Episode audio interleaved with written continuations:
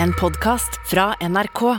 De nyeste episodene hører du først i appen NRK Radio. Så vi har et overtent eh, fredagspanel, og det er ikke noe som er bedre enn det. Vi har i dag med oss Aksel Helstenius, eh, som har snakka litt allerede. Dramatiker og professor. Velkommen. Susanne Kalutza, leder for Stiftelsen Litteraturhuset i Oslo. Velkommen. Og så har vi med Gaute Grøtta Grav. Han er programskaper og programleder, og han er med oss hjemmefra i Isfjorden. God morgen, Gaute.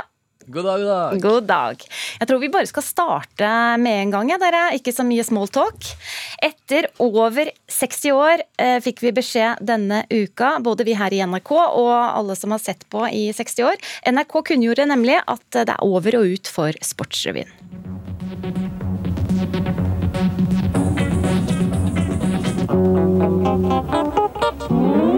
Glimrende sykkelinnsats av Bo André Namtvedt. Kongepokalene til Mette Bergman og Georg Andersen under Norgesmesterskapet i. Ja, mange husker eh, denne kjenninga, og Arne Skeie, selvsagt. Her eh, har ingen sport vært for liten eh, for programmet, som altså har gått hver søndag og vart i ca. en halv time. Det var mange som syntes det var trist da de fikk denne nyheten. Spørsmålet til panelet, det første i dag. Kommer vi til å savne Sportsrevyen? Ja eller nei? Aksel, vi begynner med deg. Eh, kan jeg si ja? Ja, jeg kommer til å savne det litt. Ja, Kalissa? Ja. Og Gaute? Savn, ja. Men du ville tillegge noe nå?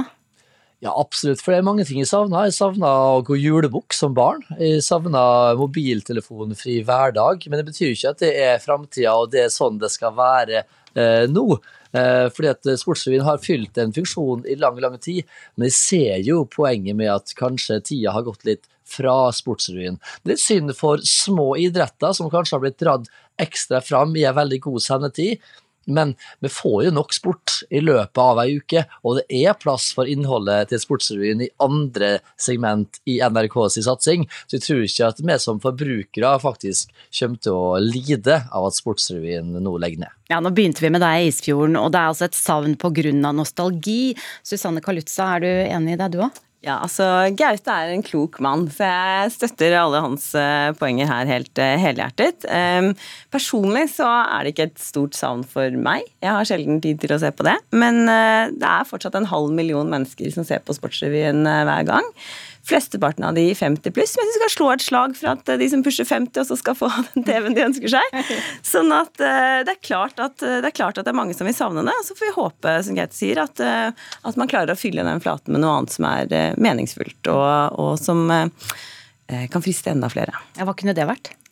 Nei, hva kunne det vært? Jeg er leder for Litteraturhuset, så jeg ønsker meg selvsagt eh, mer bøker og kultur. Og som Anette Trettebergstuen akkurat snakket om eh, større satsing på tegneserier. Men for, her mener jeg jo at man må beholde flaten for de menneskene som faktisk ser på. da. Så Man må finne et annet og godt og meningsfullt eh, sportsflate å fylle dette med, tenker jeg. For Aksel Helstenius, sport er viktig for nordmenn? Absolutt. Ja, men det jeg savner, da, savner kapittelet her, det er jo egentlig det sport var før. Sånn som jeg i hvert fall opplever det. Jeg er jo da ganske uinteressert i sport. Litt interessert i ski og skiskyting og sånt. Men det jeg er interessert i, er Og det høres sikkert helt corny ut, men jeg er interessert i sport på NRK.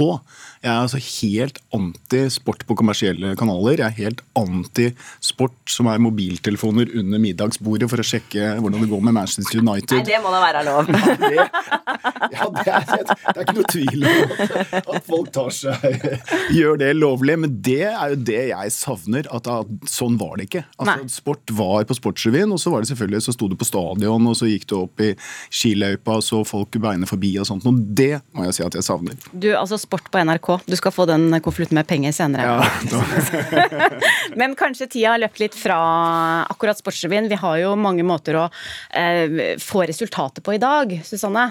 Det, det, er klart man har, man har push-varsler på mobilen. Men jeg vil faktisk eh, henge meg litt opp i det bitte lille du sa der om å ikke sjekke sport på, eh, på mobilen. For jeg hadde en utrolig hyggelig opplevelse under datteren min sin konfirmasjon, hvor da flere av mine aller beste venner var der, selv om det var den største kampen Liverpool spilte. Jeg tror det var noen sånn finalegreier.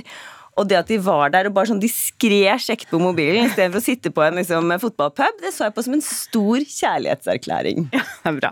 Vi skal alt fra sport til musikk vi nå. Vi skal høre et, uh, en kjent melodi.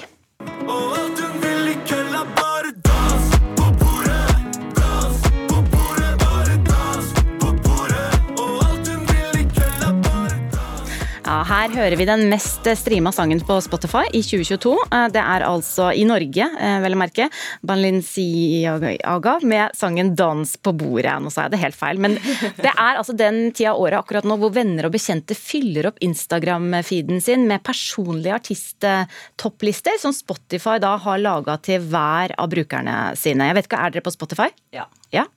Nei. Ja, jo, Spotify er jeg på. Gaute, du er på Spotify? Absolutt. Ja. Man får altså en delbar liste over topp fem mest lytta til artister fra året som har gått. Klart å smelles da rett ut på sosiale medier. Kjempeinteressant, eller, spør vi. Og vi begynner med deg eh, nå, Susanne Kalutza. Har du delt din toppliste? Ja eller nei? Nei. Gaute? Ikke delt. Nei. Og Aksel? Du har da ikke delt. Eh, nei, det er, jeg har jo ikke Instagram. Men Spotify, er- så, det, det, så det blir så vanskelig. Men du kan være med på dette her allikevel. Ja, jeg For hvis med. du hadde hatt det, hadde du gjort det? Eh, Altså, pff, hvis jeg hadde vært eh, 15, 16, 17, 18, 19 år, så hadde jeg gjort det. For jeg har jo delt kassetter. Så jeg vet jo noe om dette her. ikke Ja, sant? så ja. Så svaret er vel egentlig ja. Hvorfor? Det er for Kjærlighet, da, sikkert. Ja. Så det, ja, altså, det der med å dele kassetter, da, som jeg har erfaring med fra gamle dager, det handlet om én person som man hadde en relasjon til. Det å dele liksom med alle, det er jeg jo grunnleggende skeptisk til. Så det tror jeg ikke jeg kunne tenkt meg å gjøre. Nei, da er du på nei. Gaute, vi må få med deg fra Isfjorden. Altså, det er jo mye David Bowie og Tom Waits som blir delt, og det er ikke så mye Tix og DDE og Staysman å se. Er det litt sånn for å få kred også man eh, deler på sosiale medier?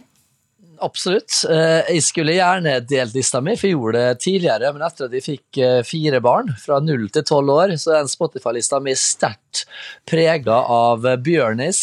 Det er bli med-sanger over en lav sko, og Tix. Eh, Tix er jeg for så vidt glad i, eh, men, men jeg skulle gjerne vist litt feil at den, skulle gjerne vist at den lista mi var prega av eh, ting som jeg kanskje er mer glad i sjøl, da. Jeg er litt glad for at jeg har fått med én på lista mi sånn privat, eh, Lill Nas X med That's What I Want.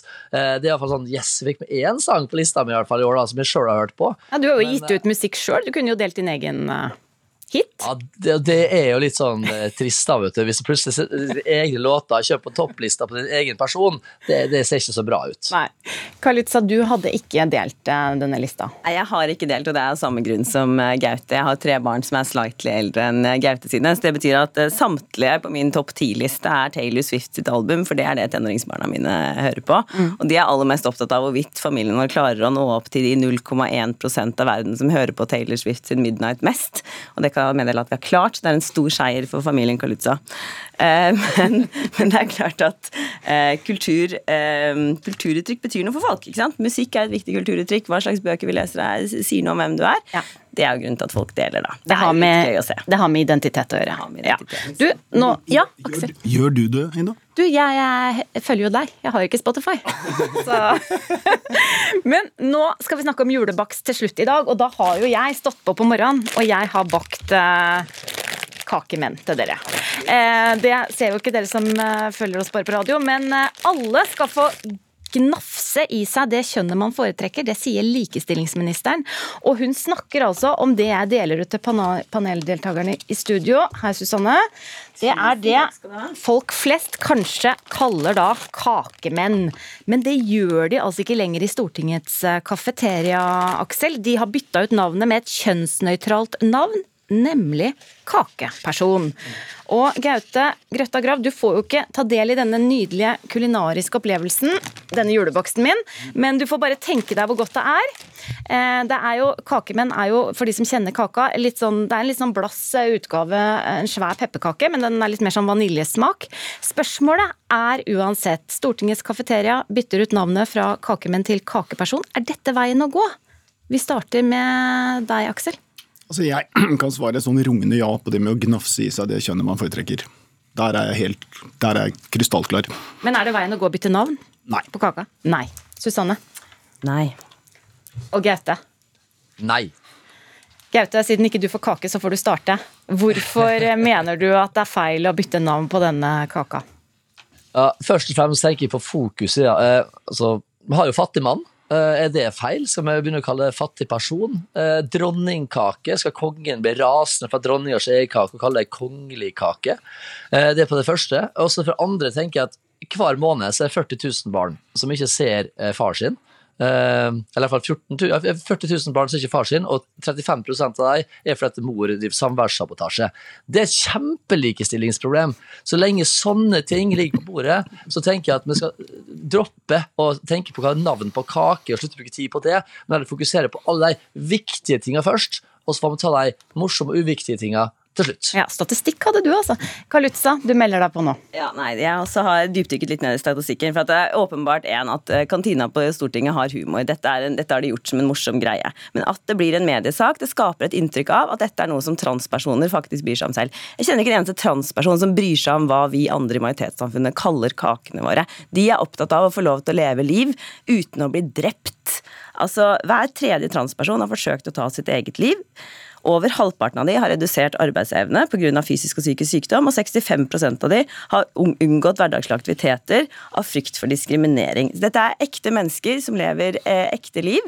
Eh, og som, når man har sånne saker som dette, så eh, polariserer vi debatten, og vi fjerner fokus fra det som er, er viktig. Så du syns utspillet fra Stortingets eh, kafeteria er tullete? Jeg syns utspillet fra eh, Stortingets kafeteria er gøyalt, men jeg syns at med mediesaken, jeg husker ikke hvilken avis det var, den syns jeg er tøvete, for vi veit at folk flest leser bare tittel og ingress, og da blir det en sånn å nei, men gud hjelpe meg, skal disse transpersonene ta helt av, nå skal vi ikke få lov til å kalle kaker for kaker lenger. Nei, det er ingen transpersoner som vil det. Det de vil er å ikke bli banka opp på gata og trakassert på Twitter, sånn som vi veit at de blir. En viktig appell her fra Kalutza. Du er veldig opptatt av kaka di, Aksel Hestenius. Den syns du var god? Jeg bare føler at det eneste riktige jeg kan gjøre, er å bare spise den.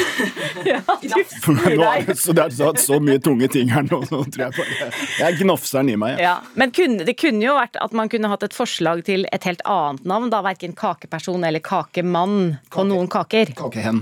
Kakehen. Ja. Viktigere saker. Språk betyr noe. Vi, la, vi, lagde et fint ord der ute værhensen. Ja. ja.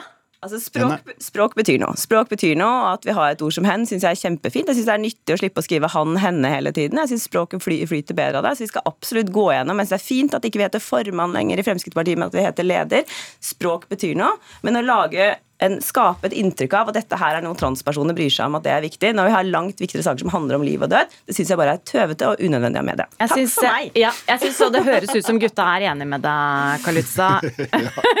Senius, du er jo glad i den kaka. Ja, og... Den beste kaka jeg spiste i dag tidlig. Ja. Og Greta Grav, du er også enig i dette, eller?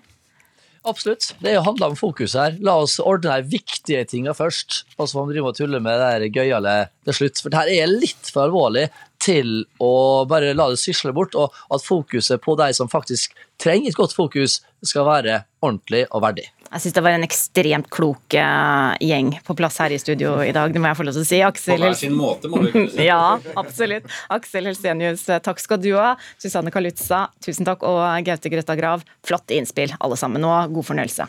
Du har hørt en podkast fra NRK. De nyeste episodene hører du først i appen NRK Radio.